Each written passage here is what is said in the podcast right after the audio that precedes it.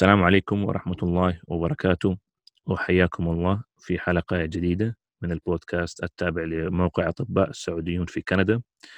معكم أخوكم مصطفى الحبوبي طبيب مقيم في طب الطوارئ في جامعة مcgill في كندا. اليوم حنتكلم عن أحد التخصصات الجراحية اللي حسب وجهة نظري المتواضعة آه، مميز جدا يدخل في فنون الجراحة والباطنة. تخصص الأنف والأذن والحنجرة. معايا هنا ضيف عزيز وغالي الحقيقة هو جاري في كندا والآن ما شاء الله بيعمل fellowship في أمريكا دكتور عبد الرحمن الثبيتي. دكتور عبد الرحمن ما شاء الله آه، للتو خلص اختبار ال Royal College في كندا وندعو له الله يوفقه وإن شاء الله ويعدل الاختبار. حياك الله معي أخوي عبد الرحمن الله يحييك أخ مصطفى. آه، يشرفني أكون معك في البودكاست وإن شاء الله أقدر آه، أساعد باللي أقدر عليه بإذن الله. حبيبي الشرف لي طيب عبد الرحمن إحنا دائما آه، لما نبدأ أي مقابلة نقول للضيف يعرفنا عن نفسه على أساس يعني المستمع يعرف هو بيتكلم عن مين. فتفضل عرفنا عن نفسك لو سمحت. بسم الله الرحمن الرحيم. معكم أخوكم عبد الرحمن الثبيتي خريج كلية الطب بجامعة الملك عبد العزيز ومعيد جراحة الأنف والأذن والحنجرة والرأس والعنق بجامعة جدة. آه، أكملت برنامج الريزدنسي في تخصص الأنف والأذن والحنجرة بجامعة ميغيل عام 2020 والآن أكمل مرحلة التخصص الدقيق في الولايات المتحدة الأمريكية. أتمنى أني أقدر أفيدكم في موضوع القبول في التخصص بإذن الله. آه عبد الرحمن السؤال الثاني نسأله دائما كيف حصل معك القبول في كندا؟ حكينا قصة قبولك. طبعا بالنسبة لقبولي في برنامج جراحة الأنف والحنجرة في جامعة ميغيل أتوقع أولا وآخرا كان بتوفيق من الله سبحانه وتعالى. وبعد ذلك كان في عدد من المجهودات اللي توفقت في العمل بها خلال آه، السنة الأخيرة من كلية الطب وأيضا في الانترنشيب وقبل آه، القبول وبعض بعض النصائح اللي الحمد لله يعني آه، رزقت بها والدعم اللي اللي جاني من نخبة من الاستشاريين في التخصص اللي عملت معهم قبل القبول. ما شاء الله تبارك الله. آه طيب آه عبد الرحمن حندخل نتكلم عن البرنامج الآن. كمتخرج حديث من البرنامج أكيد أنت دخلت في ال interview كذا مرة وعارف ال program إيش يحب. فدائما أنا لما أسأل الأخوان أحب يعني أقسم القسمين القسم الأول آه لما تجي ال CVs إيش العوامل اللي نطل فيها والقسم الثاني اللي هو ال interview فخلينا نبدأ في الأول. لما تجي الفايلات لجنة الاختيار إيش الأساس اللي تختار عليه؟ إيش العوامل اللي بناء عليها تقولوا إحنا فلان وفلان وفلان حنجيبه بالانترفيو؟ طبعا عملية الاختيار عامة تتم في مرحلتين وهي اختيار المرشحين للحضور للمقابلة وبعد ذلك اختيار المرشحين للحصول على هذه المقاعد بعد المقابلة في عوامل مختلفة ممكن نتكلم عنها إن شاء الله بالتفصيل ممكن تساعد الواحد اللي هو لاجتياز المرحلتين. آه، اولا دائما يطرأ موضوع درجة الاختبار الكندي وهي من العوامل اللي ممكن تأثر على دعوة المرشح للمقابلة لكن من خبرتي الشخصية في بعض هذه اللجان آه، ليست الفاصل عادة. وأتوقع أهم شيء أن الدرجة ما تكون جدا واطية لدرجة أنها تلفت نظر اللجنة فالأضمن أنها تكون على الأقل درجة متوسطة مقارنة بزملائك أو زميلاتك اللي بيتقدموا في السنة نفسها أو عادة بيتقدموا في كل التخصصات. عامل ثاني ممكن يكون آه، هو معدل التخرج. طبعا هو ينظر إليه وممكن يساعد اللجنة في الاختيار بين دعوة شخص عن آخر إذا تشابهوا في عديد من المميزات لكن ما زال العامل هذا ليس هو أهم واحد. جميل. طيب إيش وضع الأبحاث العلمية؟ طيب بالنسبة للأبحاث العلمية أتوقع أنه وزنها قاعد يزيد آه، آه، كل سنة. وإذا ما عند المتقدمة أو المتقدمة أي خبرة بحثية سواء كانت نشر بحث أو تقديم poster أو podium presentation فرصة الدعوة للمقابلة جدا ضئيلة. فأتوقع أنه شيء ثاني ممكن دائما ننسال عنه اللي هو عدد الأبحاث المنشورة. آه، أتوقع إنه ممكن يلعب دور وبعض الأحيان نوعية المجلات اللي الواحد ينشر فيها ممكن يلعب دور. لكن أكثر شيء ممكن يبرز في السيرة الذاتية ومرغوب في البرنامج هو الخبرة في تقديم الأبحاث في المؤتمرات. ويفضل إنها تكون المؤتمرات هذه في أمريكا أو كندا وطبعا المؤتمرات الكبيرة في السعودية والشرق الأوسط عامة. أحد أهم العوامل اللي يكثر السؤال عنها هي آه إنه الواحد يسوي electives أو لا. طبعا هذا العامل سلاح ذو حدين. وأتوقع يحتاج تجهيز و- وشوية خبرة وبرضه التزام تام خلال الالكتيف إذا الشخص نوى إنه هو يسويه. لأن الانطباع اللي حينترك ممكن يجعل القبول مهمة سهلة أو مستحيلة. طبعا من التجهيزات اللي أنصح فيها وأتوقع إنها مهمة إن الواحد يكون سوى rotation ENT قبل ما يجي يسوي ال elective في في كندا. ويعرف, على الأقل إنه هو يستخدم معظم الأجهزة العامة في عياداتنا للقيام بالفحص المبدئي. طبعا الواحد يفضل يتواصل مع ال residents في ال program عشان يعرف يسوي ال elective مع مين وفي أي مستشفى وفي أي شهر. طبعا إذا المتقدم أو المتقدم على البرنامج سوى ال elective بعقلية إنه هذه أسبوعين أو شهر ممكن تحسم مصير القبول وراح أعطي كل مجهودي وأكثر في هذه الفترة البسيطة أتوقع إنه عمل ال elective حيكون شيء إيجابي.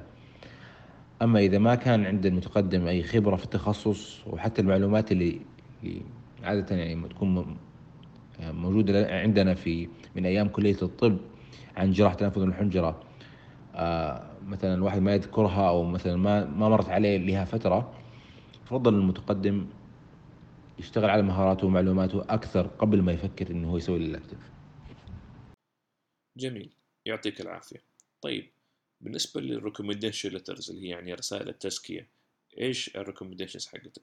بالنسبة لرسائل التزكية طبعا لها وزن جدا ثقيل في المقابلة والقبول عموما.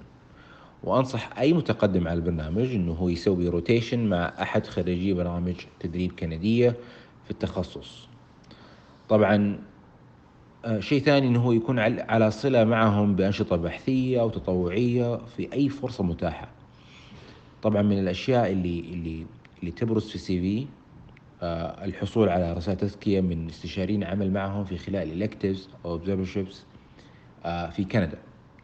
لأنه على الأغلب في شخص أو اثنين في اللجنة يكونوا على صلة معهم وإذا دعموا المتقدم حتكون دفعة قوية للقبول.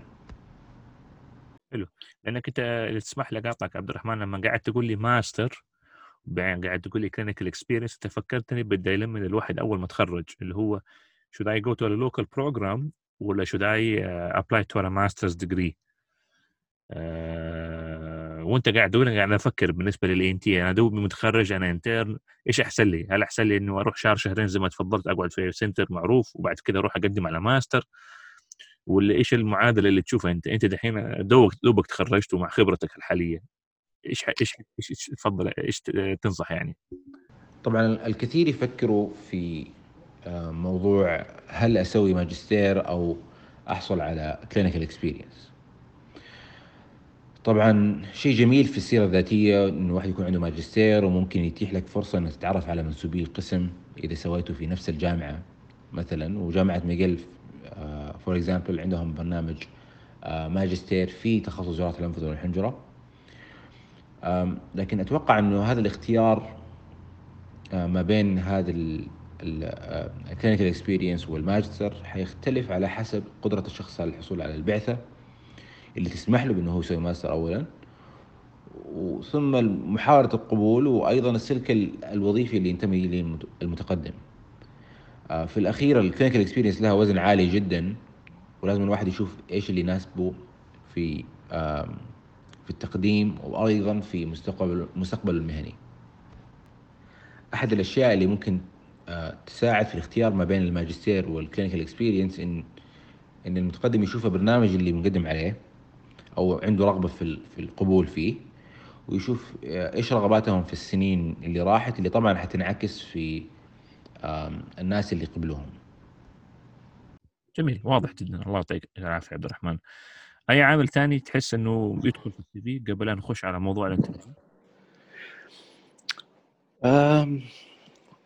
والله أتوقع يعني شيء ثاني ممكن يعني مو كثير من الناس تركز عليه لكن في في كم سنة يعني كان كان جزء من عملية القبول اللي هو آه، معلومات الشخص أو مثلا ال experience حقته. فمثلا إذا واحد جاي يسوي مثلا elective ENT ومقدم على ال residency يعني ال minimum إنه هو يكون مثلا يعرف الأجهزة اللي في الجهاز في في في في في, في, في ال clinic آه يعرف يسوي مثلا آه flexible laryngoscopy آه يعرف يفحص إذن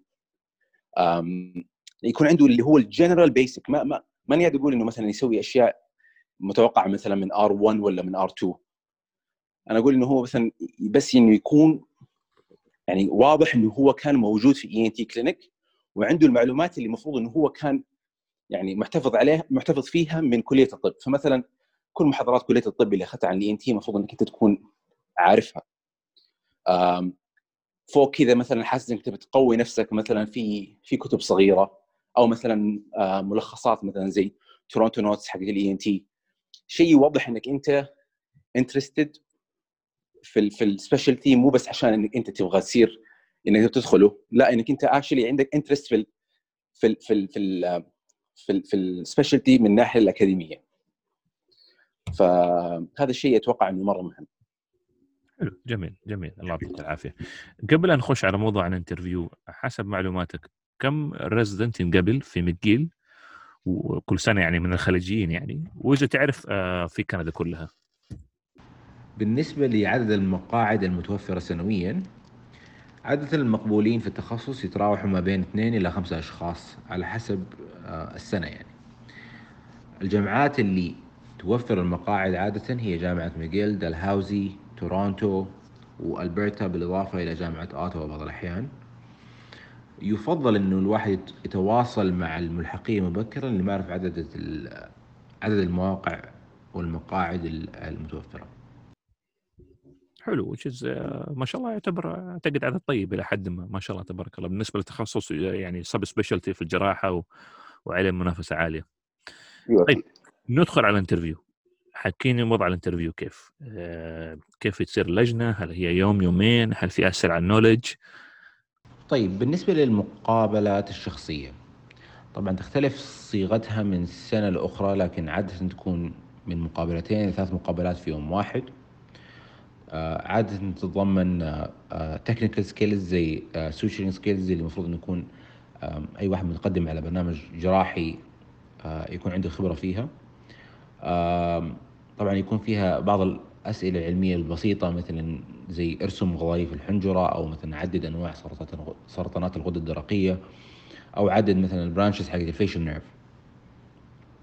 وعادة يكون في أيضا يعني ethic station يحاولوا فيها أنهم يحطوا فيه سيناريو ويشوفوا كيف حتتفاعل معاهم. طبعا في أغلب الأحيان ما يكون في لا جواب صح أو غلط لكن هي طريقة تعاملك مع ال مع ال مع السيناريو هي اللي حتحدد انت إنت نجحت في ال station هذا أو لا. وفي الأخير عادة تكون في مقابلة آه، أكثر رسمية يكون فيها رؤساء الاقسام عادة وينسأل فيها المتقدم على كل الأسئلة المعتادة اللي نشوفها في أي interview مرت علينا فأهم شيء انه الواحد يتجهز لل interview يحاول انه هو يبعث منظر الثقة في إجاباته وفي طريقة كلامه وطبعا يحاول بقدر المستطاع انه هو يكون relaxed وما يكون يعني ما يجعل الموضوع أو ال interview تكون جدا ثقيلة على على نفسه وعلى الناس اللي أمامه.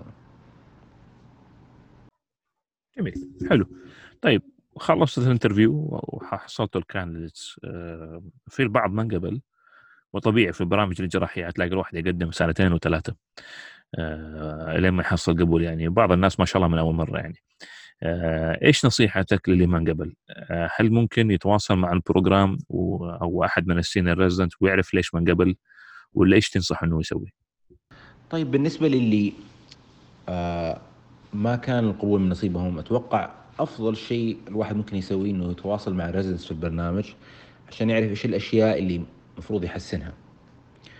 طبعا ناس ممكن تسأل وتقول يعني هل ممكن أتواصل مع الاستشاريين في البرنامج؟ بس ما أتوقع أنه ممكن يعطوك التفاصيل الكافية اللي تحتاجها عشان تستعد للتقديم ب بسي في أقوى للسنة المقبلة أو مثلا مقابلة أقوى في السنة المقبلة. فأتوقع التواصل مع الريزنس حيكون هو الخطوة المفضلة. حلو. جميل جميل. آه طيب عبد الرحمن ما شاء الله يعني أعطيتنا معلومات قيمة وغطيت معظم النواحي. قبل لا نقفل في أي نصيحة أخيرة تبى تعطيها لأخوانك أخواتك اللي بيقدموا؟ طبعا أهم شيء الواحد يتوكل على الله و... ويسوي اللي يقدر عليه. النصيحة اللي أنصحها يعني أكثر شيء الواحد يركز عليه إنه. إنه دائما آه، خاصة في تخصص زي هذا إنه يحاول إنه هو يسوي شيء يحاول يبني فيه السي في وهذا الشيء يبدأ من أيام كلية الطب ففي أي وقت حاس نفسك إنك أنت الحين ما أنت قاعد تبني أي حاجة في السي في أو ما أنت قاعد يعني تكسب مهارات معينة في هذا التخصص لازم تراجع نفسك وتحاول إنك أنت تنمي هذا الجانب. حلو. وأنت قصدك بالجانب هذا طبعا الواحد هو طالب حيكون مشغول يمكن ما يقدر آه، آه، يعني مثلا لو قدر يطلع برا مثلا الكتيف هذا أعتقد خيار الخيار الثاني إنه مثلا آه، يروح مؤتمرات ENT workshops يسوي أبحاث. أعتقد هذه الأشياء قاعد أتكلم عنها. extracurricular activities أعتقد. أكيد. نفس الأشياء اللي اللي هي زي نفس الأشياء اللي تكلمنا عنها اللي ممكن تساعدك في إنك تحصل على ال interview وإنك أنت يعني تحصل على residency هي تقريبا نفس الأشياء اللي اللي حتحاول تنمي نفسك فيها. جميل جميل. طيب تمام. الله يعطيك العافية أخوي عبد الرحمن. ومرة ثانية ألف شكر و... الله يعافيك. بالتوفيق إن شاء الله كده ولنا لقاء قريب بإذن الله تعالى. بإذن الله. يلا السلام عليكم. مع السلامة.